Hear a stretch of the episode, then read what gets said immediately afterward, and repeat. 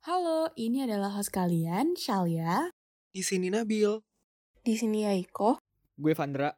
Dan aku Raffi. Dan kami dari kisah alumni. Jika kalian masih baru di sini, kisah alumni adalah tempat bagi para alumni untuk berbagi kisah dan pengalaman mengenai dunia perkuliahan. Hanya untuk kamu.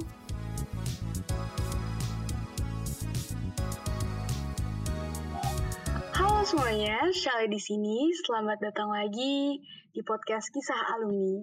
Di pagi cerah ini, kita kedatangan seseorang yang S1 dan S2-nya di UI jalur LPDP. Orang-orang tuh jalur COVID, ini jalur LPDP. Juga, um, kakak ini hobi banget membaca sekaligus nih supaya kita semua juga ningkatin minat baca. Langsung saja kita sambut Kasyora Alia Eka Putri.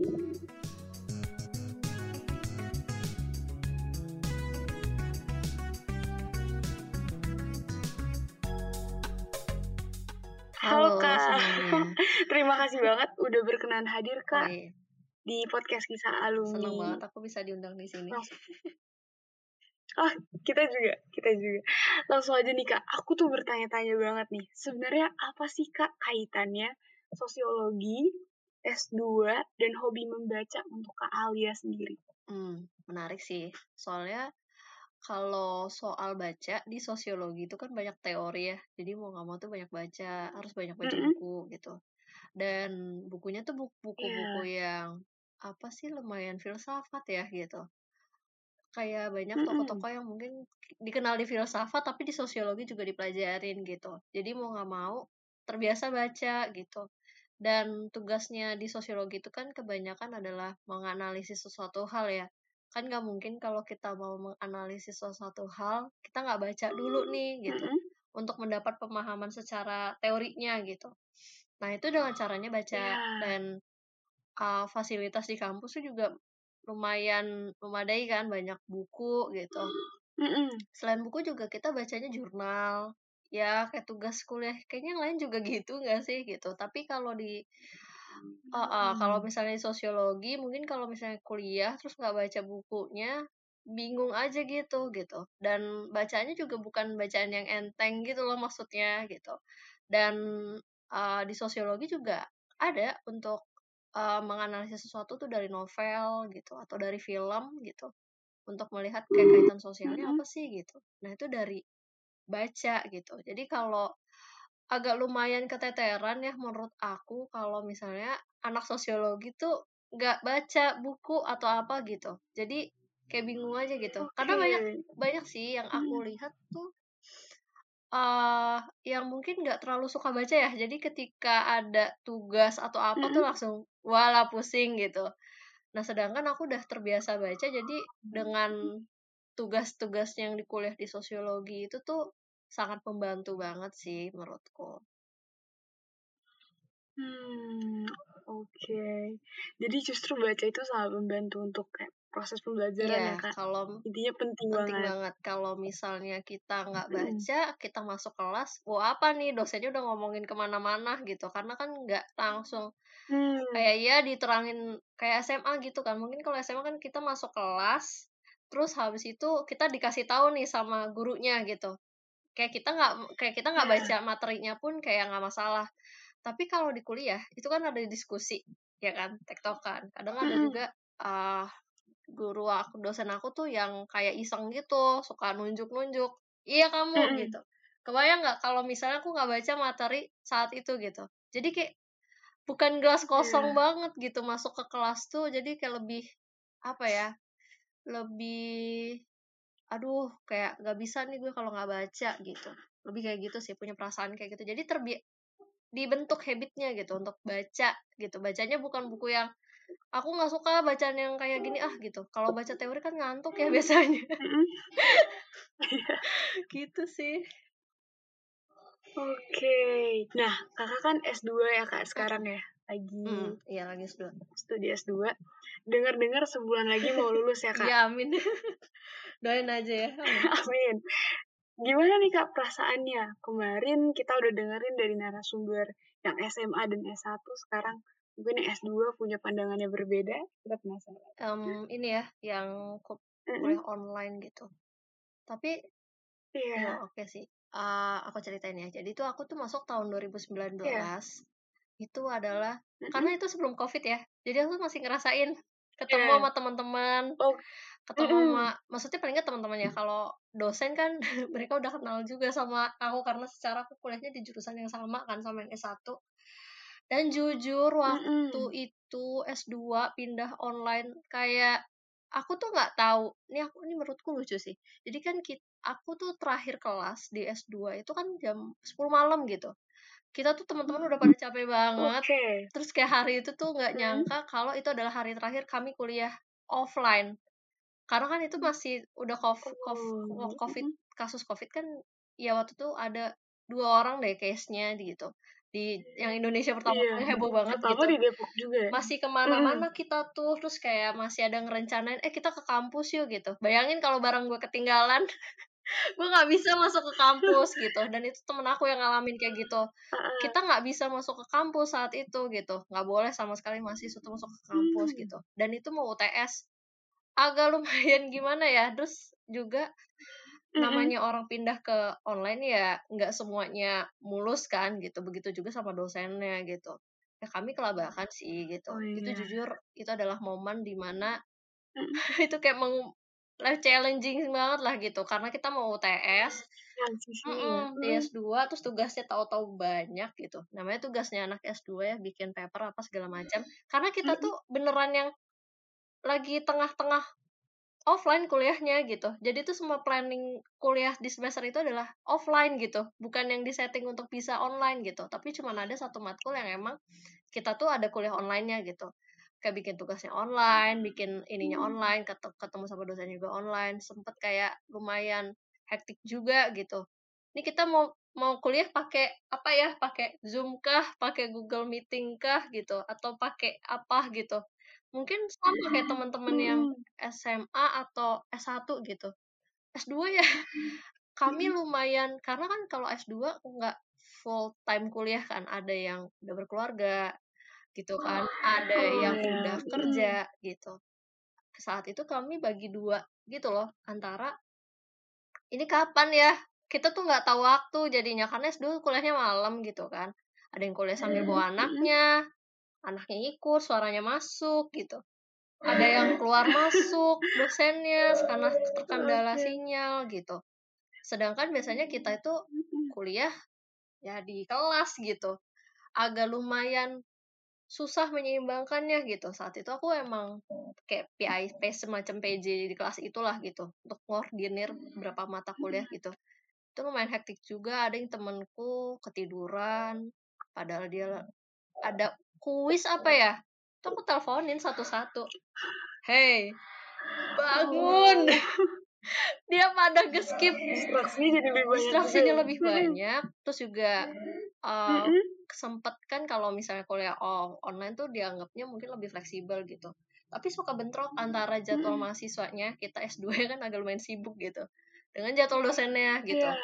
jadi kayak sempat nggak bisa nih kalau kelasnya ditukar ke pagi atau ditukar ke sore karena kita masih kerja gitu WFH yang meeting gitu. Jadi kita tuh Mm-mm. terbiasa punya dua device lah paling nggak tuh kalau lagi kuliah kalau misalnya yang ada yang lagi kerja gitu. Satu buat kita kuliah satunya lagi buat kita kerja dan itu dua-duanya meeting kayak multitasking banget gak tuh? Ini anak-anak S2 tapi untungnya aku sempat ketemu sama teman-temanku sih jadi kita tuh agak lumayan bonding lah gitu. Kita udah yang kayak foto-foto apa segala macam makan bareng gitu punya agenda Oh, agenda bareng gitu. Terus uh, ketika kita tiba-tiba on offline eh online gitu terus kita bikin acara untuk menghibur-hibur diri kita untuk semangatin kayak ayo gitu buat ngumpul ngobrol bikin acara award lah party atau apa gitu. Karena memang karena kita ketemu biasa ketemu di udah lumayan bonding di offline gitu. Terus tiba-tiba kita online kayak padahal udah ada rencana ini kayak kita harus nonton film bareng ya gitu atau apa gitu. Anak S2 emang kayak Mhm. rasa nostalgia mereka kalau misalnya eh, apa kayak nostalgia nih mau mau kirain S2 yang serius-serius banget ya nggak juga gitu loh. Jadi tuh eh karena Mm-mm. kan ada mungkin ya sebenarnya sih eh, kayak angkatan 2015 angkatan itu juga kayak masih muda-muda juga tapi ya ada juga sih yang beda 10 tahun gitu. Tapi kayak ngerasa aduh vibes-nya kuliah gitu gue kangen ya sama kuliah gitu. Oh paham kan? Kayak so Hmm, excited itu iya, buat kuliah gitu. Dan kita kayak anak sekolah gitu bikin acara bikin apa untuk kayak semacam menghibur diri gitu. Karena tugasnya kan lumayan banyak hektik sih gitu. Dosennya pun keteteran gitu. Karena mereka megang S1 juga gitu. Nah kadang kakak yang S2-nya sih yang kayak lebih oke. Kayak dosennya tuh kayak kita tuh lebih sibuk kadang dari dosennya. Beneran kayak jadwalnya nggak pernah ketemu gitu. ini kapan ya kalau jadwalku di ini penggantinya gitu karena jadwalnya nggak pernah ketemu kadang gitu. Jadi kayak kita sepakat ya udah habis after office hour aja nggak bisa ketemu yang sembarangan juga sama anak S2 Mm. gitu. Sampai kita waktu itu bikin apa sih ketemuan gitu sama dosennya untuk ny- nyamain ekspektasi nih antara S eh, S2 mahasiswa S2 sama dosennya gitu. Biar dosennya ngerti oh, oh S2 lebih sibuk Mm. dibandingkan dosennya. Itu kayak itu berasa banget sih. Kayak itu menyenangkan kan? Maksudnya ya walaupun tugasnya kadang bikin kita puyeng juga gitu sama lah gitu. Ya biasa lah tapi ya itu tadi gitu. Kita jadi belajar untuk gimana memanage waktu antara eh ini pagi ini siang ini malam ini sama ini kerjaan ini kita kuliah nanti sama keluarga kayak gitu. Ada yang memprioritaskannya kan lain-lain gitu. Mm-mm. Nah, kayak gitu sih kalau misalnya kuliah kita offline kan kita beneran fokus gitu di di kampus gitu belajar kayak nggak ada distraksi apa-apa. Nah, tapi kalau ini kan kita tiba-tiba kita lagi di tengah kuliah ada panggilan buat kerja atau misalnya ada anaknya gitu yang ngeiniin. Itu untuk menyesuaikan kondisi di Hmm. rumah tuh ya macam-macam sih struggle-nya ya macam-macam gitu teman-temanku yang S2. Kalau aku juga Iya. palingan sih sama kerja ya gitu sambil sama kayak kerjaan terus habis itu ya kita bagi duanya gimana biar belajar memanage waktu tapi dipaksa sama keadaan gitu nah gitu sih lebih lebih tepatnya kayak gitu Hmm. gitu jadi kayak iya. Nah ya kayak gitu sih Hmm, ini ini sama banget nih Kak dari narasumber yang sebelum kita nih yang S1 da- yang S1 dan SMA naik ke kuliah itu mereka kayak punya distraksinya banyak banget. Tapi bedanya ya Kak, justru kayak karena kakak ini udah punya kayak udah so- udah ada solidaritasnya gitu ya Hmm. Kak. Enak ya. Jadi lebih kayak ke transisi ya. hmm ya Kalau misalnya yang yang yang SMA ke kuliah tuh udah udah di planning kan online-nya gimana. Tapi ini transisinya kayak tiba-tiba Tiba-tiba. banget gitu ya Kak. Kayak- kayak Hmm. gini loh kamu tuh ngerasa kayaknya gue mimpi ya kuliah di rumah gitu karena biasanya karena kita tuh masih ngerasain kuliah yang tatap muka gitu itu kayak setengah semester gitu. Akhirnya agak cukup mencengangkan orang besoknya udah eh pas lockdown itu kita nggak nggak ada yang tahu gitu loh. Ajaibnya adalah harusnya kan sebagai mahasiswa itu taunya gue dari kampus kan gitu. Ini ini dari pemberitahuan dari kampus uh, ini bahwa kampus kita akan lockdown. Aku taunya dari TV. Temanku juga taunya dari TV. Aku ju- baru dapat lebaran kayak oh ya UI di lockdown. Terus habis itu kayak kita lagi ada tugas apa gitu ya pakai aplikasi installnya tuh harus ke kampus. Terus temen aku kayak aduh gue belum install lagi aplikasinya gitu. Karena mau diintarin aja gitu. Aplikasinya kayak buat UTS gitu. Ya kan namanya juga orang dadakan gitu. Iya. nggak ada planning mbak Bibu langsung ayo kita online gitu. Kayak apa? Kaget gitu. Terus ya Serba mendadak kan ya. mendadak banget Mm-mm. gitu terus kayak tiba-tiba dosennya jadi belajar tuh nggak iniin online kayak gimana gitu mungkin kalau aku emang kerjain dulu di startup gitu jadi memang udah biasa gitu tak jadi tak kayak semacam ngasih tutorialin gitu aku biasa aku yang kuliah aku mau ngasih Hmm. tutorialnya kayak ini loh kita pakai pakai meeting aja yang kayak gini kayak gini untuk sta, sta- apa pengaturan kuliah online tuh kayak gimana gitu karena beda banget jujur gitu ya tiba-tiba di tengah semester pindah gitu kan ya kayak apa gitu rasanya. Kalau emang udah apa ya tapi itu jadi masukan gitu buat teman-teman yang memang dia kuliahnya emang full online gitu yang tahun angkatan 2020 ya gitu. Itu tuh mereka jadi lebih Iya. enak gitu sistemnya. Karena apa? Karena belajar dari kita yang dadakan gini gitu kayak semacam tahu bulat ya. ya. Heeh, gitu kayak semacam tahu bulat. Nah terus juga gak kebayang sih itu itu kayaknya waktu awal-awal pandemi tuh benar-benar bikin kita belajar banget sih untuk gimana caranya bisa beradaptasi gitu untuk menyelesaikan si semester aneh ini gitu. Jadi emang banyak masukan yang itu dikasih masukan ke UI kayak, oh kita nggak bisa nih uh, bertemu online tuh berapa jam gitu. Karena udah zoom gitu kayak kayak semacam udah capek gitu lelah gitu ketemu dengan digital terus juga kayak kendala internet juga gitu. Semua ada wifi ternyata gitu terus kita tetap dapat kuota untuk ini loh. Lucu gak sih? Biasanya anak sekolah doang anak S2 juga dapet. Geli banget. Oh udah betul kuota. Internet. kuota dari pemerintah kuota ya? internet untuk mahasiswa yeah. S2 gemes gitu. Nah tapi sekarang aku pengen lempar balik oh. lagi nih kak. Awal-awal. Kenapa alasan kenapa kakak pilih S2-nya kebijakan pembangunan sosial ini? Hmm. kalau ini kan berkaitan gak sih sama S1 kakak kalau S1 aku sih ini ya uh, kan kuliahnya di sosiologi gitu. Tapi emang waktu S1 yeah. tuh memang ada pem, ada semacam kekhususan gitu kayak spesialisasi ya penjurusan lagi lah di bawah si jurusan mm -hmm. itu tuh aku emang ngambil kebijakan gitu. Terus juga ngeplan nih tadinya sih sebenarnya gitu. Aku tuh nggak ngeplan langsung kuliah gitu tuh kayak nggak ada.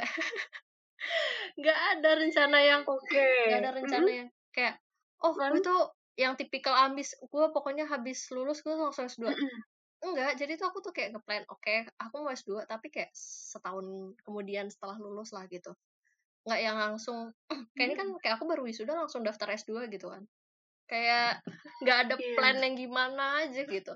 Jadi memang kenapa pilihnya S2-nya itu ya melanjutkan apa yang udah aku pelajarin juga sih waktu S1 gitu. Jadi emang lumayan nyambung dan hmm. mungkin kayak oh mungkin ini agak lebih mendalam kali ya karena S2 gitu. Ya karena karena emang nggak ada rencana yang gimana gimana terus waktu itu emang sempet ini sih setelah sebelum mau lulus tuh uh, kan udah plan kamu abis lulus mau ngapain? Ya kan biasa ya anak-anak kan kalau suka ditanya gitu ya abis lulus kamu mau ngapain? Kayak aku lulus tiga setengah tahun gitu tujuh semester doang kuliahnya S1 wah uh terus habis itu ya IPK-nya bagus gitu. Iya termasuk yang bagus lah gitu. Di di kampus tuh kayak melihat kayak eh, kayaknya kamu aktif deh kayaknya kamu nggak sayang nggak kuliah lagi. Terus saya bilang aduh ntar aja deh mau kerja dulu gitu. Jadi aku udah dapat kerja di saat aku lulus udah dapat kerja gitu. Udah saya mau meniti karir dulu deh gitu. S2 nya nanti aja gitu. Lebih kayak gitu. Tapi enggak ah ya kamu nggak kuliah lagi. Iya saya mau kuliah tapi nggak sekarang. Ngerti gak sih perasaan itu gitu. Terus habis itu memang aku obrolin dulu lah gitu sama orang tua aku kan gitu gitu boleh kan nih aku mau lanjut S2 hmm. gitu. Tapi gimana ya biayanya? Terus kata dosenku kan ya udah LPDP aja gitu. Ya karena beasiswanya cuma itu kan gitu. Ya udah akhirnya akhirnya dengan dengan ini aja gitu. Lanjut aja gitu. Tanpa temenku juga kaget kok tahu tuh S2 sih? Gue juga. Kayak ya mungkin ini kesempatan yang mungkin datang S2 istilahnya S2 yang datang kayak aku kayak ayo sini kamu S2 gitu. Akunya masih ya aduh ntar aja bisa gak sih? Gitu. Gue masih mau yang lain dulu tapi ternyata ya kesempatan itu ya enggak gue justru keterima. Terus habis itu kayak ya masuk gitu. Kayak pas mau wisuda hmm. aku tuh nggak bilang ke temenku kayak aku tuh daftar S2 jadi aku tuh aku udah aku kasih tahu ke mereka setelah aku dapat kartu mahasiswa S2-nya kayak gengs gue mau lanjut S2 hmm. ah kirain temenku tuh kayak gue lanjut S2-nya tuh karena Ya sama gak sih kayak orang kan suka ngomong ya, gue mau lanjut S2, tapi kan gak lanjut S2. Hmm. Ini aku bilang kayak, aku mau lanjut S2, nunjukin KTM ya. Bercanda lu lah gitu. Beneran nih gitu. Kok bisa langsung S2 sih lo gitu. Ya sayang biar masih ada masih ada keinginan buat belajarnya lah gitu paling enggak biar biar kan udah juga udah sambil S2 kan bisa sambil kerja bisa sambil yang lain-lain gitu. Maksudnya kayak enggak yang kayak satu kan mungkin ya sekolah kuliah kuliah aja gitu. Kayak ada magang atau apa. Kalau S2 kan bisa sambil kerja bisa sambil volunteeran masih sambil lebih bebas lah gitu. Karena memang waktu belajarnya tuh lebih sebenarnya lebih dikit gitu SKS-nya pun lebih dikit memang kadang suka yang di ini kan udah tugasnya aja yang lebih dalam gitu gitu aja sih main ini oh iya kakak kan award di LPDP ya, Hmm. tadi kakak udah sebutin juga. Jadi penasaran, di esainya nulis apa sih kak sampai keterima Aduh, di S2? Di S2 ya. Ini menarik sih. Karena waktu itu kan saat itu aku tuh nggak ada plan. Ah, daftar nggak ya S2? Eh, daftar nggak ya LPDP? Karena juga kuliahnya udah keterima gitu. Terus juga kuliahnya kan juga udah bayar gitu. Semesterannya. Kan kalau di kampusku gitu ya sistemnya. Mm-mm. Semester satunya kayak udah bayar. Jadi kayak mau Wah, saat itu aku waktu daftar itu ya tanpa beasiswa dan ada beasiswa pun aku tetap kuliah gitu. Nah, yang bukan kan ada ada kan dua Hmm. dua jalur saat itu. Ada yang udah punya LOA kayak aku gitu udah keterima di kampusnya. Ada juga yang emang LPDP yang mungkin dia belum terima belum keterima di kampusnya tapi bisa daftar juga gitu. Nah, aku kan ngambil tuh yang jadi tuh sebenarnya lumayan agak jeda gitu loh. Tapi nggak tahu nih eh, apa sih namanya bikin esai, bikin persyaratannya tuh apa karena tiap tahun tuh beda-beda kan ininya. Yang aku ceritain Iya. yang kayaknya yang sekarang LPDP tuh beda gitu sama yang aku saat aku daftar itu. Jadi kalau waktu aku daftar itu ya persyaratan gitu-gitu dulu yang aku siapin gitu. Karena memang waktunya belum tahu nih kapan gitu. Nah, habis itu tiba-tiba eh aku tuh keterima S2-nya kan April. Terus eh, LPDP tuh Mei bukanya saat itu. Coba jeda sebulan, aku udah siapin berkas dan lain-lain. Yang belum aku bikin adalah esainya gitu. Terus habis itu kan isi esainya tuh tentang Oke. rencana studi gitu ya, rencana studi, terus bikin kayak plan kuliahnya di mana gitu-gitu. Terus eh sebenarnya bikin esai kan ada temanya gitu. Mungkin karena emang biasa di sosiologi, terus aku juga emang em, sosiologinya tuh bagian kebijakan gitu kan. Jadi memang tak jelasin tuh gitu. Eh, saat itu bikin tentangnya tentang rencana studi gitu ya, esainya. Mau berkarir apa, mau berkontribusi kayak gimana gitu. Ya di situ di esai itu em, aku jelasin sih kayak gimana sih biar apa namanya aku tuh kenapa mau di UI dan lain-lain tuh based on data gitu. Jadi itu aku kayak riset, kayak riset skripsi, tapi dibikin buat esai gitu. Jadi bukan kayak alasan, ya gue karena pengen kuliah aja nggak. Terus kayak gue jelasin, ini kampus gue ranking berapa, ini nanti di mata kuliah ini nanti akan kepake untuk apa aja. Terus nanti selama ini kuliah, aku udah tuh udah punya rencana gitu. Pokoknya di kuliah aku akan bikin kegiatan ini, ini, ini, ini gitu. Terus juga setelah kayak sambil kuliah kayak ini aku mau berkontribusi di sini, bikin konten ini, bikin ini, kerja di sini dan lain sebagainya. Di, dijabarin detail gitu. Bukan kan misalnya saya pengen kuliahnya bermanfaat buat ini enggak, tapi lebih aku jelasin kenapa gitu. Kenapa sih penting dan kenapa saat itu tuh aku tuh karena aku ke kebijakan ya gitu. Aku ngeliat oh Indonesia nih lagi ada kebijakan untuk SDM gitu, pengembangan SDM gitu, sumber daya manusia. Terus itu aku pengennya ke pendidikan gitu. Nah, aku tuh jelasin apa nih stepnya. Terus nanti setelah lulus mau kayak gimana, bertahan di kuliahnya kayak apa, itu beneran yang segambarin sedetail itu, sespesifik itu. Aku nggak bisa kayak agak lumayan panjang kalau jelasin ininya isinya kayak apa, tapi kurang lebihnya sih kayak gitu. Dan itu proses bikinnya ya pas agak berapa hari gitu. Setelah kan karena kan pendaftarannya kan mepet ya sebulan. Aku waktu itu sambil kerja gitu. Jadi aku bikinnya agak tiga hari apa empat hari gitu untuk bikin esai. Itu ngeri ngeriinin karena emang kerjaanku nulis juga kan. Ya maksudnya ya kayak bikin tugasku kampus aja gitu sebenarnya bikin esai ya. Kayak ngeliatnya gambarannya apa, kayak ngeliat originalnya kita apa gitu. Karena kan memang menurutku harusnya nggak susah ya. Karena kan kita yang mau kuliah gitu. Kita cuma mau nunjukin nih ke Hmm. ke kuliahnya kayak ke LPDP-nya ini gue mau kuliah gitu gue cuma minta ininya aja dari support dukungannya gitu. Ini tapi aku yang punya plan aku tuh gambarin planku jelas gitu. Ini aku mau kayak gini kayak gini kayak gini kayak gini. Terus uh, aku dibantu juga kayak dibantu review juga sama dosenku gitu. Saat itu gitu nggak ada yang tahu kalau aku daftar LPDP juga. Kayak aku tuh emang kayak semacam ini aja gitu. Tahu-tahu nanti uh, yang lain tuh taunya aku setelah apa sih namanya setelah udah keterima aja gitu prosesnya. Paling cuma cuman ke kantorku aja tuh baru tau kayak kamu daftar LPDP kayak gak ada kayak gak ada how-how-nya orang daftar gitu. Kayak gitu loh maksudnya. Tipikal anak santuy banget ya. karena gitu prinsipnya. Kalau rezeki ya udah kalau nggak dapat pun juga tetap lanjut kuliahnya gitu. Karena juga udah ini kan gitu Oke, jadi menurut kakak apakah, tapi ya kalau misalnya ngelihat yang dari luar nih kak, apakah lebih ambis proses LDP ini atau lebih santuy sih kak kayak yang kayak yang kakak tadi udah sebutin gitu kan, kakak lebih kayak kesantuy sebenarnya. Mm-mm, gitu. kalau aku sih lebih ke santuy ya kalau yang lain tuh mungkin lebih ya effortnya lebih gede sih maksudnya kan lebih berpengalaman dari aku tuh banyak Mm-mm. banget gitu yang udah daftar LPDP dari tahun sebelumnya sedangkan kayak aku sih semuanya kayak ini percobaan pertama. Pertama dan terakhir. Ini percobaan pertama istilahnya gitu. Karena kan ngelewatin tes apa segala macam aku em, waktu S1 juga beasiswa sih. Cuman kan beda ya nggak yang proses seleksi bikin esai terus ada tes tulis apa segala macam tuh prosesnya sebenarnya panjang gitu. Berapa bulan ya? Dari Mei sampai Agustus gitu. Agustus aku baru diterima di beasiswanya gitu. Itu yang lain tuh menurutku lebih aku kayak agak kerasa agak lumayan jiper juga gitu loh. Tapi kayak enggak lah kan gue udah mempersiapkan apa yang mau aku lakukan gitu. Nge iniinnya gitu. kayak nothing tulus aja sebenarnya kalau aku. Tapi kalau yang lain tuh lebih yang punya well prepare yang tahu nih ini prosesnya kayak gimana bikin esainya tuh lebih luar biasa dibandingkan aku gitu.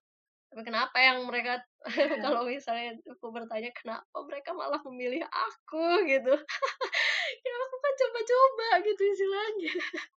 Istilahnya gitu ya kayak nggak terlalu proses yang gimana gimana gitu. Kalau yang lain mungkin ambis ya. Kalau aku sih lebih tipikal yang oh daftar terus habis keterima oh gue keterima gitu. Terus habis itu proses apa lagi yang aku lakuin gitu. Kayak mungkin yang lain udah nanya ke cuttingnya lah prosesnya apa segala macam. Ya saat itu aku cuma nanya sama cuttingku kayak cuman briefnya aja biasanya ngapain sih habis habis lulus seleksi kayak gimana? Waktu itu saking aku santai banget ya jadi kayak udah proses selesai. Karena tiga tahapan tuh saat itu aku LPDP tuh. Kayak tahapan esai terus habis itu aku tes tulis terus satu lagi tuh uh, wawancara gitu. Jadi pasti kayak tes tulis ya belajar. Belajarnya juga yang kayak semingguan doang gitu. Nyebelin banget. Kan harus tes ya. Terus habis itu kayak aduh gue aku tuh S1 nya kan nggak jalur SBMPTN jadi aku tuh udah lupa yang tes tes potensi akademik gitu gitu. Gue belajar kan matematika lupa. Cuman aku tahunya bahasa Indonesia nya aja saat itu. Yang tes yang matematikanya kadang aku kosongin aja waktu LPDP tuh. Tapi bagus lolos gitu. Nilai temen gue yang udah belajar matematika kayak berapa gitu. Berarti kayak yang gue canggih kan istilahnya. Pada saat itu jadi pede gitu karena kayak gue santai gue maksudnya tipe kalau yang yang lain tuh bawa bukunya bawa buku tesnya dan dilihat apa gitu. Aku tuh cuman bawa badan kayak ayo tes gitu. Kayak kamu niat kuliah gak sih? Istilahnya kayak orang-orang kayak gini pasti gue dibenci sih fix banget terus um, pas yang habis itu kan seleksi wawancara atau apa gitu. Ya udah kita di situ kayak ngobrol wah gila nih orang-orang kakak-kakaknya tuh pada ambis dan kayak udah lebih lebih pokoknya lebih dari gue lah gitu istilahnya. Terus yang pas habis itu lolos gitu wawancara karena aku lebih ya pede aja gitu anaknya. Ya udahlah kalau dapat ya bagus kalau nggak udah gitu. Maksudnya nothing tulus aja. Terus habis itu pas ketika lolos nih kan seleksi wawancara cuman kayak selamat anda lulus seleksi substansi ya gitu. Pasti ada tuh pengumumannya. Terus kayak habis ini dapat pengumumannya gue apain ya? Tahapannya apa lagi sih? Gue gak tahu. Nggak tahu itu gimana sih ya terus habis itu baru aku di situ nanya kayak ke katingku yang yang ada PDP gitu. Kak ini artinya apa ya? Kayak udah keterima. Itu udah lulus al. Ini prosesnya apa lagi? Ya Allah udah keterima itu. Asli. Kayak gitu. Ya aku tuh kayak aku sih kayak bilang oke okay, terus aku juga ngasih tak agak lumayan deg-degan ya yang ketiga tuh gitu. Karena itu gongnya kan kayak gue udah lolos satu lolos seleksi dua kalau ketiga gak dapet kan kayak nyesek juga ya gitu. Terus ya ketika buka saat itu tuh aku kayak nggak lagi ke kantor lah pokoknya aku di rumah gitu. Terus kayak ah, aku mau menenangkan diri ya ngapain langsung menenangkan diri? Kayak kemarin-kemarin buka seleksi itu kayak eh gue lolos loh kayak cuman kok nggak ada perasaan excited apa? gitu. Terus kayak waktu seleksi yang ketiga tuh kayak ini aku lulus tulisannya berarti aku keterima ya? Kalau bertanya. Bikin emosi saya habis itu kayak aku bilang sama mama aku kan mah kayak Iya. mah ini lulus loh gitu. Karena aku pertamanya emang nggak pengen daftar gitu. Malah sama panjang kata kayak kata mama aku tuh mama aku sih yang dorong kayak udahlah kak coba aja gitu. Gue tuh cuma coba-coba aja gitu S2 coba-coba S eh, yang RPDP juga gitu oh ya ini jangan ditiru sih fix banget. tapi ya perlulah punya punya kepercayaan diri kayak gitu kayak ya coba aja gitu. Siapa tahu memang itu jalan lo gitu. Kayak nggak mikir kalau karena aku udah mempersiapkan diri kalau gue nggak lulus gue juga udah kuliah gitu. Orang kan mempersiapkan gimana caranya dia baru lulus ini aku mempersiapkan kayak kalau gue nggak lulus gue juga udah siap gitu gitu. Gue bisa kok gitu. Kayak menguatkan diri gue bisa kok gitu. Karena kayak bisa bisa mainin kuliahnya gitu. Ternyata memang kebayang kayak aku tuh kayak sempet nggak mau daftar gitu tadinya. Karena udah punya perasaan nggak pengen nyoba gitu. Nah itu sih sebenarnya kadang yang menurutku proses awalnya itu loh gitu yang kadang tuh orang tuh udah merasa gagal waktu depannya gitu. Pas proses orang kan kalau merasa ini kan di prosesnya gitu. Ini sebelum mau mulai aja udah pada kayak ciper gitu enggak nggak mau daftar ntar aja tahun depan tahun depan. Oh tahun depan tahun depan nanti kayak laut gitu. Sedangkan kayak awal ada kesempatan nih depan mata udahlah gas aja gitu. Persiapannya enggak ya? Ya udahlah gitu. Persiapan se sebisa bisanya gue aja gitu. Nggak yang kayak gue harus les dulu untuk nginiin bikin nulis kayak apa segala macam gitu. Enggak kayak ini gue kayak lakuin apa yang gue hari-hari gue lakuin aja gitu nah gitu. Nah kayak sesantai sesantai sesantai itu kayak aku nerangin juga ketemu kayak itu apa sih? Kayak karena sampai nggak ada yang tahu kalau aku tuh ket, keterima gitu. Terus sama teman-temanku S2 bahkan kayak sama dosen gue kayak paling tuh cuman dosen yang saat itu ngasih aku rekomendasi dan nulis esai kayak saya dapet nih beneran al.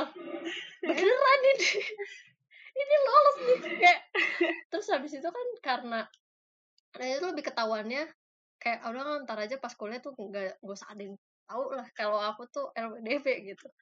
Nah terus juga eh karena jadwal si LPDP ini barengan sama apa ini kampus aku kayak ospeknya gitu S2 ya kalau S2 kan ospeknya kayak ini doang ya kayak seminar doang gitu. Saat itu aku nggak datang di itu jadi kayak tahu oh ada pelatihan LPDP anak ini gitu biar kayak nggak terlalu ini aja kayak udah biasa aja nggak sih? gitu. Gue nggak ngerasa nggak usah dingin banget gitu. Ya bisa dibilang kayak gak mau kelihatan ambis aja gitu. Ya tuh juga ya tipikal yang tau gak sih kayak oh nggak belajar tapi nilai bagus kayaknya gue kayak gitu sih.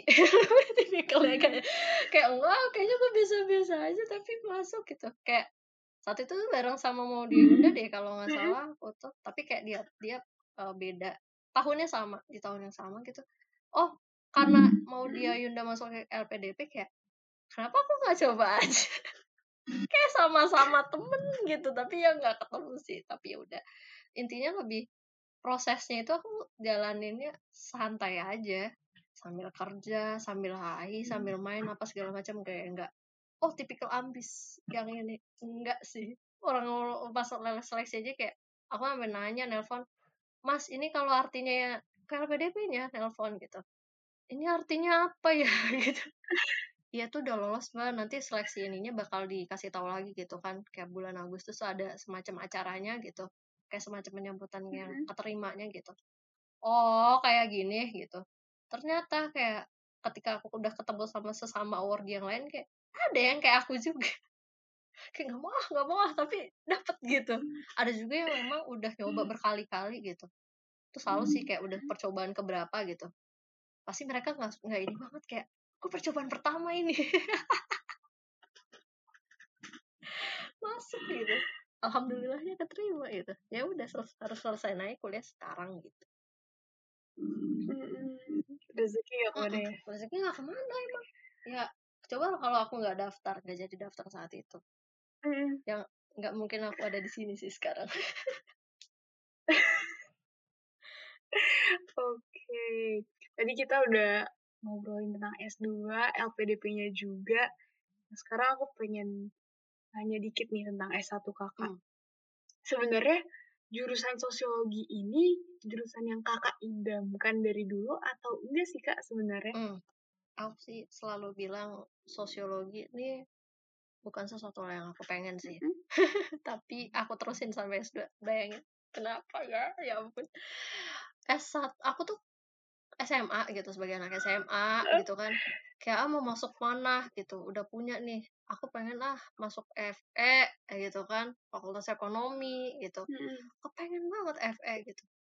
Jurusan manajemen gitu. Dan aku tuh selalu bilang ya aku pengen jurusan itu gitu. Tapi kayak waktu tau gak sih tipikal ada guru-guru sekolah tuh kayak udahlah kamu nggak mungkin masuk situ. Padahal gue ranking satu paralel gitu. Tapi pi- bibi gue diputus sama sekolah gue sendiri. Eh, sebel. Ya Allah maafin aku bu. Tapi semua orang kayaknya pernah ya dirasain kayak gitu. Itu aku pun juga ngalamin kayak gitu. Udahlah kamu nggak mungkin masuk jurusan itu. Susah lah apa segala macem gitu. Padahal kalau gue, kalau aku terabas-terabas aja mungkin dapet sih gitu tapi terus habis itu ngeriset lagi lah jurusan apa ya yang kira-kira mungkin aku tuh gampang masuknya. Nggak ya Allah jangan ditiru sumpah. Terus ya udah aku riset gitu kan eh ininya jurusannya apa aja yang di sosial gitu. Aku pengen masuk geo ah gitu karena waktu itu ikut suka sama pelajaran geografi. Tapi pas aku tahu kan kayak aku pengen masuknya UI gitu. Tapi geografinya IPA gitu dan aku anak IPS gitu ntar apa kabar nggak belajar fisika kimia. Ya sebenarnya bisa sih cuman kayak nyebrang aja jatuhnya gitu. Sayang lu IPA udahlah Iya. kalau sama IPA eh, eh, tahu diri aja lah gitu. Ya, akhirnya aku list tuh beberapa jurusan yang mungkin emang nggak terlalu apa sih istilahnya nggak terlalu orang banyak denger lah gitu. Si sosiologi ini kan termasuk yang kayak oh, sosiologi itu apaan sih? Apa bedanya sama psikologi? Ya nggak tahu juga gue gitu. Saat itu nggak ini ini nggak terus ya udah maksudnya masuk ke ya aku cari cari bermodal internet ya tahun 2015 tuh internet nggak kayak canggih sekarang kayak ilmu apa sih namanya informasinya juga nggak sebanyak yang kayak sekarang gitu. Mungkin kan sekarang Hmm. eh, banyak ya informasi soal jurusan itu. Ya aku tuh clueless gitu. Tapi eh, akhirnya kayak coba misalnya kayak ada kampus expo atau apa gitu aku tuh datang gitu ke situ. Tapi nggak dapet nggak puas gitu dapat informasi tentang sosiologi ini tuh apa gitu. Jadi udah pas waktu karena daftar S- SMPTN gitu ya kan? Ya udah mau kita daftar aja gitu. Pilihan pertamanya sosiologi pilihan kedua aku tuh administrasi negara. Padahal aku pengennya yang administrasi negara itu gitu ya karena lumayan lah gitu. Kenapa dimasukinnya sosiologi duluan gitu? Orang tuh kesel juga sama aku kenapa kamu masukinnya sosiologi duluan gitu? Bukan administrasi negaranya padahal kotanya sama. Terus juga ya kurang lebih kan ada tuh yang namanya passing grade gitu-gitu kan nah ini ini berpengaruh apa sih? Kayak aku tuh anaknya pengen tahu cari tahu lebih dalam tapi nggak tahu mau nanya sama siapa gitu. Nah susahnya itu. Terus eh ya udah kayak di namanya guru sosiologiku ya paling aku nanya gitu-gitu. Dia juga nggak tahu karena dia bukan backgroundnya sosiologi. Kebayang dari sekolah aku tuh nggak ada yang backgroundnya sosiologi. Terus kayak sosiologi ini nanti aku belajar apa? gitu. Mungkin kalau pas aku pas baru masuk tuh sama teman-temanku tuh emang pada suka sosiologi di sekolahnya. Kayak aku tuh termasuk yang nilai ujian ujianku di ijazah ya sosiologi tuh paling jelek di antara yang lain gitu. Mungkin Tuhan menyuruhku belajar kali ya di sosiologi gitu kan. Istilah aku sih kayak merasa kayak gitu lebih yang kayak gitu gitu. Dibandingkan dengan banyak banget nggak ketebak, ketebak. ya. ya plotis ya gitu. Nggak ketebak tiba-tiba ya em, pas pendaftaran udah kayak pas aku masukin beneran nih al gitu. Aku sama omku kan yang daftar SNMPTN gitu. Karena aku nggak ngerti website website gitu. Ya dulu kan ya mana ngerti nggak secanggih sekarang lah gitu. Tampilannya juga ribet kan dulu gitu tahun 2015 gitu. Ya udah kamu beneran nih al sosiologi pertama administrasi negara eh, kedua UI iya biar UI kasihan sama aku kayak pilih aja UI gitu. Eh aku pilih sekolah Jakarta terus habis itu ya ya udahlah gitu. Aku juga daftar kampus lain sih daftar eh, Politeknik Negeri Jakarta. PNJ juga. Terus habis itu aku daftar yang akuntansi dua tuh saat itu. Yang jalur-jalur rapot yang yang lagi kebuka apa aku masuk masukin aja semua. Ini anak ah ya tahu rapot nilainya bagus kan? Gitu. Ya diberdayakan lah rapotku gitu istilahnya. Sila anjas. Terus ya udah. Dan habis itu ya udah aku masukin kan gitu. Dapat yang PNJ dapat yang itu juga dapat tapi kayak pas baca pengumuman itu kayak yang politeknik oh ada nama jurusannya gitu kan. Uh, terus itu juga jurusannya perbankan gitu. Itu tuh kan bagus ya maksudnya menurutku itu jurusannya lebih lebih oke okay lah gitu dibandingkan sosiologi gitu. Tapi karena sosiologi UI ya akhirnya aku memilih UI itu pengumumannya beda selang berapa hari ya? Lima hari deh kalau nggak salah. Kayak aku dapat dulu di PNJ terus juga dapat di ini. Kan kalau misalnya itu kan suka ditakut di suka dikasih taunya gitu takut takutin lagi. Dikasih taunya sama sekolah kalau emang kamu udah dapet jalur rapot jangan ditolak gitu kan. Karena nanti sekolahnya kena blacklist. Terus habis itu kayak aku waktu daftar hmm, kalau gue iya. dapet dua-duanya ntar gimana? Gue nggak mungkin kan kuliahnya dua canggih banget gue gitu kan istilahnya. Gue tau gue kayak ini tapi kayaknya gue nggak mungkin deh kuliah dua gitu terus habis itu aku nanya dulu konsekuensinya gitu gitu tapi ah, pas ngurusin pembayaran gitu sama orang tua aku dan apa ada sempet kayak buat balik gitu kayak susah gitu loh di berkas yang pertamanya di PNJ-nya ternyata selang lima hari uh, apa namanya kayak kok sekolahku tuh dapat info duluan jadi kayak guru wali kelas aku tuh kayak sih tahu eh selamat ya kamu udah keterima UI padahal pengumumannya tuh sore. Jadi gue udah dapet spoiler kamu nggak sih? Seru nggak? Kan serunya deg-degan mau react gitu kan ini warna aku waktu itu hijau atau merah gitu kan. Kalau sekarang warna biru kali ya gitu yang aku suka lihat ininya. Terus aku kayak lagi di, yeah. di tengah siang bolong terus guruku tuh kasih tahu kamu keterima di UI lah lu tahu dari mana gue pengumumannya kan nanti sore atau begitu jangan bikin gue berekspektasi dong please banget gitu. Sebagai anak sebagai anak yang lulus SMA jangan bikin gue berekspektasi dong tuh kalau misal gue buka merah sedih juga gue gitu kan istilahnya. Hmm. terus enggak ya udah akhirnya guruku tuh kasih tahu UI gitu. Terus habis itu aku buka sorenya webnya down kan? Ah down. Terus masukin nomornya. Biasalah yang kayak tipikal grogi gitu tiba-tiba akan aku pengen tahu dia nggak bilang jurusannya apa? Yang penting UI ya karena jurusanku kan yang satu kedua dua-duanya UI gitu. Ini jurusan apa ya? gitu. Iya. malah penasaran sama jurusannya apa gitu. Antara ya kan bisa aja kan kalau misalnya aku buka administrasi negara kan ya ya udah gitu. Dan ternyata pas pas yang sisa pas saat itu tahun pas saat itu aku buka uh, eh, WPSMPTN-nya aku buka udah agak lumayan sorean deh gitu. Kayak udah gak terlalu hektik banget terus yang lain udah kayak oh gue keterima di sini gue keterima sini. Uh, eh, gue cuma membuktikan apa yang guru gue bilang. Bener gak nih gue keterima gitu. Terjanjian bohong lagi gitu. Biasa. Kayak kayak di ah lu menyenangkan hati gue aja gitu saat itu gitu. Terus habis itu pas buka yeah. oh hijau gitu. Kayak wah UI gitu kan ya, apa namanya ini ini gitu ya udah habis itu habis itu kayak milih gitu. Kayak mau milih mana uh, kak kuliahnya antara aku udah dapat yang keuangan itu atau mau di sosiologi UI UI aja lah. Kayak kayak apa itu pertimbangan anak SMA macam apa itu gitu. Yang kayak yang maunya UI UI aja lah gitu. Kayaknya kan UI lebih ini ya pertimbangannya kayak lebih wow aja gitu. Walaupun jurusannya apa yang penting UI gitu. Ya tapi kayak habis itu baru baru belajar oh sosiologi tuh kayak gini kayak gini. Dan akhirnya ya mama harus mengikuti gitu ininya. Awal-awal kuliah tuh aku suka disangka, disangka anak sosiologi gitu. Kayak oh, jurusannya sosiologi ya? Gue kira komunikasi atau apa gitu. Kayak ah I really appreciate that gitu kan. Gak ada tampangnya. Karena nggak pernah menunjukkan kayak aku tuh suka banget sama sosiologi tuh enggak gitu bahkan waktu itu aku keterima yang kan uh, balik lagi ke sekolah kan nginin ijazahnya kan gitu. Hmm. ambil ijazah lagi kan biasa tipikal anak alumni kayak lo sosokan kayak pas gue ambil ijazah gue gitu. Jalan di koridor sekolah dengan bangga is gila gue anak UI gak deh. Kayak semua orang nanti akan ngerasain kayak gitu anak SMA gitu. Kayak seluruh dunia tuh harus tahu kalau gue masuk UI gitu. Aduh kayak itu momen yang ini banget gitu. Tapi emang senengnya saat itu doang pas kayak kuliah ya menangis berapa tahun? Menjalani jurusannya gitu kan. Nggak ini ini. Aku kira ya tipe santai banget. Ternyata bukunya teori semua. Aku nggak tahu ini teori apa ini teori apa. Ini kayak apa tugasnya? Berini kayak agak lumayan hektik juga gitu loh waktu baru-baru kuliah. Terus aku tahu nilai ijazah aku di sosiologinya nggak terlalu bagus ternyata gitu.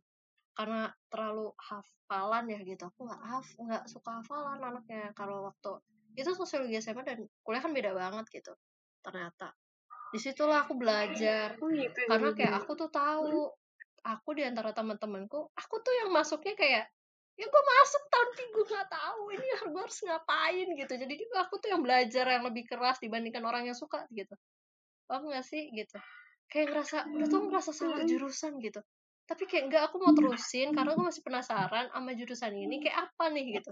Emang udah sadar kayak karena jurusanku yang sebelumnya malah aku nggak aku masuk gitu. Padahal udah keterima di, di kayak jurusan keuangan gitu FE gitu kan. Tapi malah memilih sosiologi yang nggak tahu sosiologi itu apa gitu. Tapi akhirnya gue belajar penasaran gitu. Gue pengen nyelesain ah gitu. Bukan tipikal eh gue salah jurusan gue nyerah terus gue pindah jurusan gitu. Udah keburu males juga gitu. Udah terusin aja sampai tamat gitu maininnya. Jadinya ketika itu akhirnya bisa punya pertimbangan gue malah lagi S2 malah malah justru orang yang kayak aku gitu yang lebih mendalami sosiologi dibandingkan orang yang su- udah suka gitu. Aku yang tipik bukan yang suka awalnya tapi survive gitu. Bisa kan? Kalau emang asal ada niat aja mau mau belajar gitu bisa kok gitu. Nggak apa-apa nggak suka awalnya. Ya jadi passion kan akhirnya kebawa lah ke mana-mana. Iya. gitu. Awalnya sih gitu ya Allah inspirasi sekali bukan Tapi seru banget kak, beneran seru banget. Ada relate juga nanti. em, oh, tapi kita lanjut lagi Boleh. dulu tentang Alia Boleh, dulu boleh. nih. Oh ya, kebiasaan membaca kakak nih dimulai dari kapan sih kak?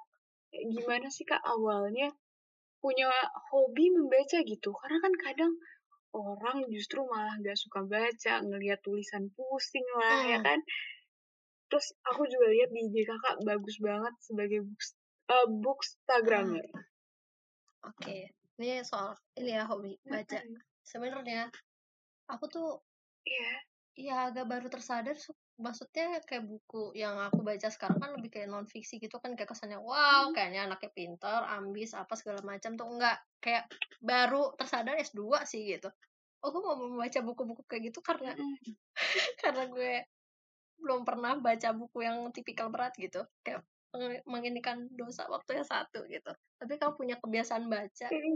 Sebenarnya sih awalnya tuh karena ya diinin sama orang tua gitu. Kayak mamaku tuh suka baca tapi kayak yang majalah gitu. Baca majalah baca apa terus habis itu kayak aku dibawa tuh ke toko buku apa gitu. Untuk lihat buku dan aku sukanya visual kan. Kayak gambar komik gitu. Iya. Aku tuh sukanya gambar jadi tak lihat-lihat Hmm. gambar apa segala macam. Terus sering diceritain gitu dari buku-buku itu. Kayak Disney Disney Junior sih. Karena aku suka Mickey. Main ini Hmm. terus habis itu mm. karena di apa sih sama orang tua aku sih kayak ya anaknya satu gitu. Terus habis itu emang aku tuh orang tuh bilang aku tuh nggak suka belajar gitu anaknya. Tapi tapi orang tua aku tahu kayaknya anaknya tuh pintar gitu tapi kayak anaknya males banget sih gitu. Ya akhirnya baca tapi yang main-main gitu gitu. Bukan yang langsung ya kamu harus baca tuh enggak gitu. Tapi kayak dibikin aku tuh dikelilingin dulu sama bukunya setelah aku merasa aku udah enjoy sama lingkungan bacanya gitu. Aku suka ke Gramedia gitu toko buku lah gitu. Suka main-main aja di situ tapi belum bisa baca gitu. Waktu masih anak-anak kan kadang suka kayak ngapain sih? Harusnya kan langsung diajarin baca gitu. Ya enggak di aku dikelilingin dulu sama sama bacaan gitu. Terus habis itu lama-lama sering diceritain. Terus habis itu kayak agak tau gak sih kayak mama nggak bisa ya bacain cerita hari ini lagi sibuk apalah segala macam ya aku sebagai anak kayak oke gue kayaknya harus bisa baca deh gitu. Itu sampai muncul dari keinginan Hmm. anak kecil gitu. Kayak aku tuh aku tuh nah ya agak lumayan lupa tapi orang tua aku yang ceritain kamu yang pengen pengen baca. Karena gemes gitu. Nggak suka kalau misalnya nunggu dibacain. Mau baca sendiri. Mau baca sendiri kayak masuk masuk masuk masuk. Gitu. masuk ke TK gitu kan. Nggak sebelum masuk TK gitu belajarlah aku baca gitu. Karena diget sama rasa penasaran sih sebenarnya. Itu yang bikin kayak kenapa aku tuh pengen baca. Dari bacaan itu kayak ketahu kan. Kayak aku tuh memuaskan Hmm. rasa ingin tahunya gitu kayak oh aku suka nih sama apa namanya kayak suka ngeliat ensiklopedia yang gitu-gitu komik bacalah bobo. Kayak kesannya wah anaknya sangat edukasi sekali ya gitu. Ternyata enggak cuman kayak aku tuh punya punya pertanyaan kenapa begini kenapa begitu? Nggak ada yang bisa jawab gitu.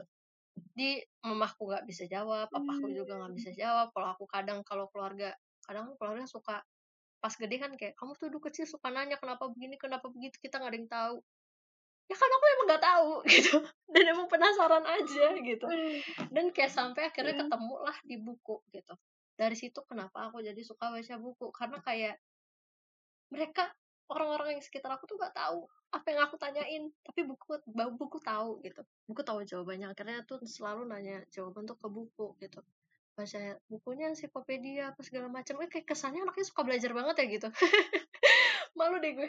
Tapi enggak gitu. Karena emang emang penasaran aja gitu.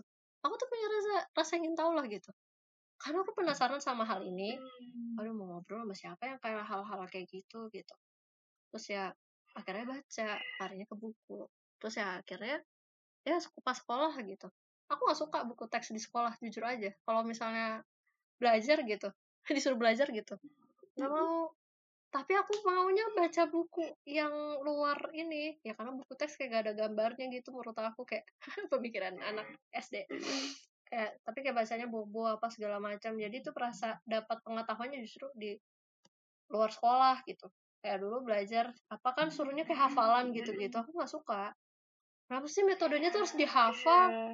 Kenapa kalau gue nggak paham min aja gitu? Atau gue dapat garis besarnya aja gitu. Males gue hafalin banyak banget kayak hafalan. Hafalan tuh cukup hafalan Al-Quran aja deh gitu. Atau baca-bacaan sholat yang lain tuh nggak usah bisa gak sih gitu. Karena kayak nggak mau berpikir ribet gitu anaknya. Sedangkan kan dulu kalau sekolah tuh diajarinnya hafalan metodenya hafalan gitu. Ya kan sampai kayaknya sampai sekarang gak sih?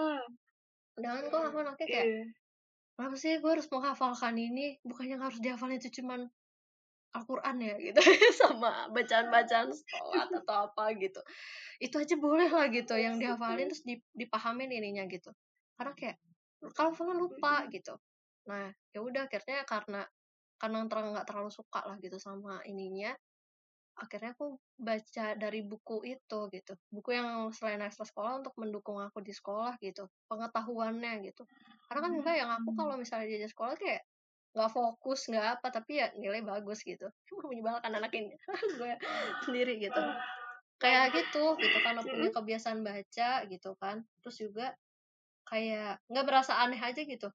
Anaknya cuek banget ya kan kadang kalau suka ini ngapain sih baca mulu? Kayak nggak punya kehidupan atau apa. Hei buku adalah jendela dunia kamu kayak kayak aku tuh suka banget baca buku tuh yang kayak tentang negara-negara apa gitu. Kan, kan buku adalah jendela dunia ya. Lu bisa tahu apa aja dari buku gitu.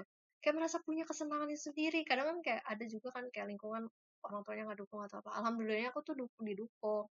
Karena anak gue suka baca tapi dia nggak suka belajar.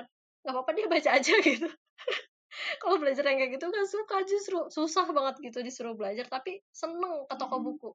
jadi itu buku-bukunya yang kayak ya udah buku-buku yang kamu sukanya baca ini gitu. ya aku sukanya belajar yang kayak gitu gitu. Baca baca kayak gambar gitu. Masih yang gambar dan apa segala macam ya sampai pada akhirnya ketika ketika aku ketemu masalah ya pasti aku larinya ke buku gitu. Ya maksudnya punya pelariannya nggak yang ke ke drugs apa segala macam kayak udah kita kutu buku banget nih gitu. Ke buku aja kayak gitu. Lebih sih lebih ini aja sih setiap ada masalah ya sampai kayak sekarang gitu merasa udah masalah ini baru baca aja pengembangan diri kayak gitu. Kalau misalnya butuh hiburan ya baca novel apa segala macam kayak semua aku baca. Terus Twitter apa semua aku baca. Emang suka aja gitu. Baca keributan juga aku juga mau suka baca gitu. Biar dapat apa ya karena aku tuh nggak suka gitu uh, dapat informasi terus potong-potong gitu. Kayak nggak suka aja kan biasanya kalau kalau kita kan sekarang yang lebih dapat informasi sepotong-sepotong gitu ya. Aku tuh penasaran anaknya kepoan. Kepoan tapi kalau misalnya masalah yang ini cuek gitu. Tapi aku kepoan gitu anaknya. Tapi bukan kepoan gengges gitu loh maksudnya yang tapi yang maksudnya hal positif ya gitu. Ya itu gitu. Aku nggak suka dapat informasi terus potong-potong gitu kayak apa sih cerita ini cuma ininya doang? Emang bener ya kayak gitu gitu. Kritik gitu. Mengkritisi ininya kayak nggak puas aja. Kayak saya dapat satu kepuasan ketika aku dapat Hmm. informasi itu utuh gitu. Dan buku tuh adalah salah satu sumber media yang memang utuh kan gitu. Buku kan gitu dari dari A sampai Z dibahas gitu. Bahkan kadang nggak satu buku doang gitu. tambah lagi baca buku yang lain baca lagi yang buku yang lain. Supaya kayak dapat pemahamannya tuh lebih inilah gitu kayak kita tuh lebih wise gitu loh. Dibandingkan kita tuh dapat sepotong-sepotong kita udah ngejudge duluan padahal salah. Eh malu kan kayak gitu gitu. Kayak jadinya akhirnya punya kebiasaan baca gitu. Ya kalau jadi bookstagram itu karena memang awalnya pandemi kan tadi aku udah ceritain gimana kehidupanku perkuliahan selama online gitu seapa hektik apa untuk kita Iya. bisa tetap damai di dalam rumah aja kayak berka bikin lah gitu Emang ini kan apa review-review buku dan kebetulan banyak yang suka juga ternyata gitu. Karena emang aku membahasakannya kayak ya baca non fiksi baca aja nggak yang harus kayak harus jadi pinter apa segala macam gitu. Aku tahu aku pinter tapi kayak enggak lah semakin lebih banyak baca tuh justru semakin banyak nggak tahunya kayak oh ternyata gue semakin sadar masih banyak ilmu yang belum gue baca gitu. Itu kayak membuka ke mana-mana gitu mengkonek ke orang yang lain juga. Ternyata ya kayak sekarang sekarang ini kayak komunitas kan banyak banget gitu.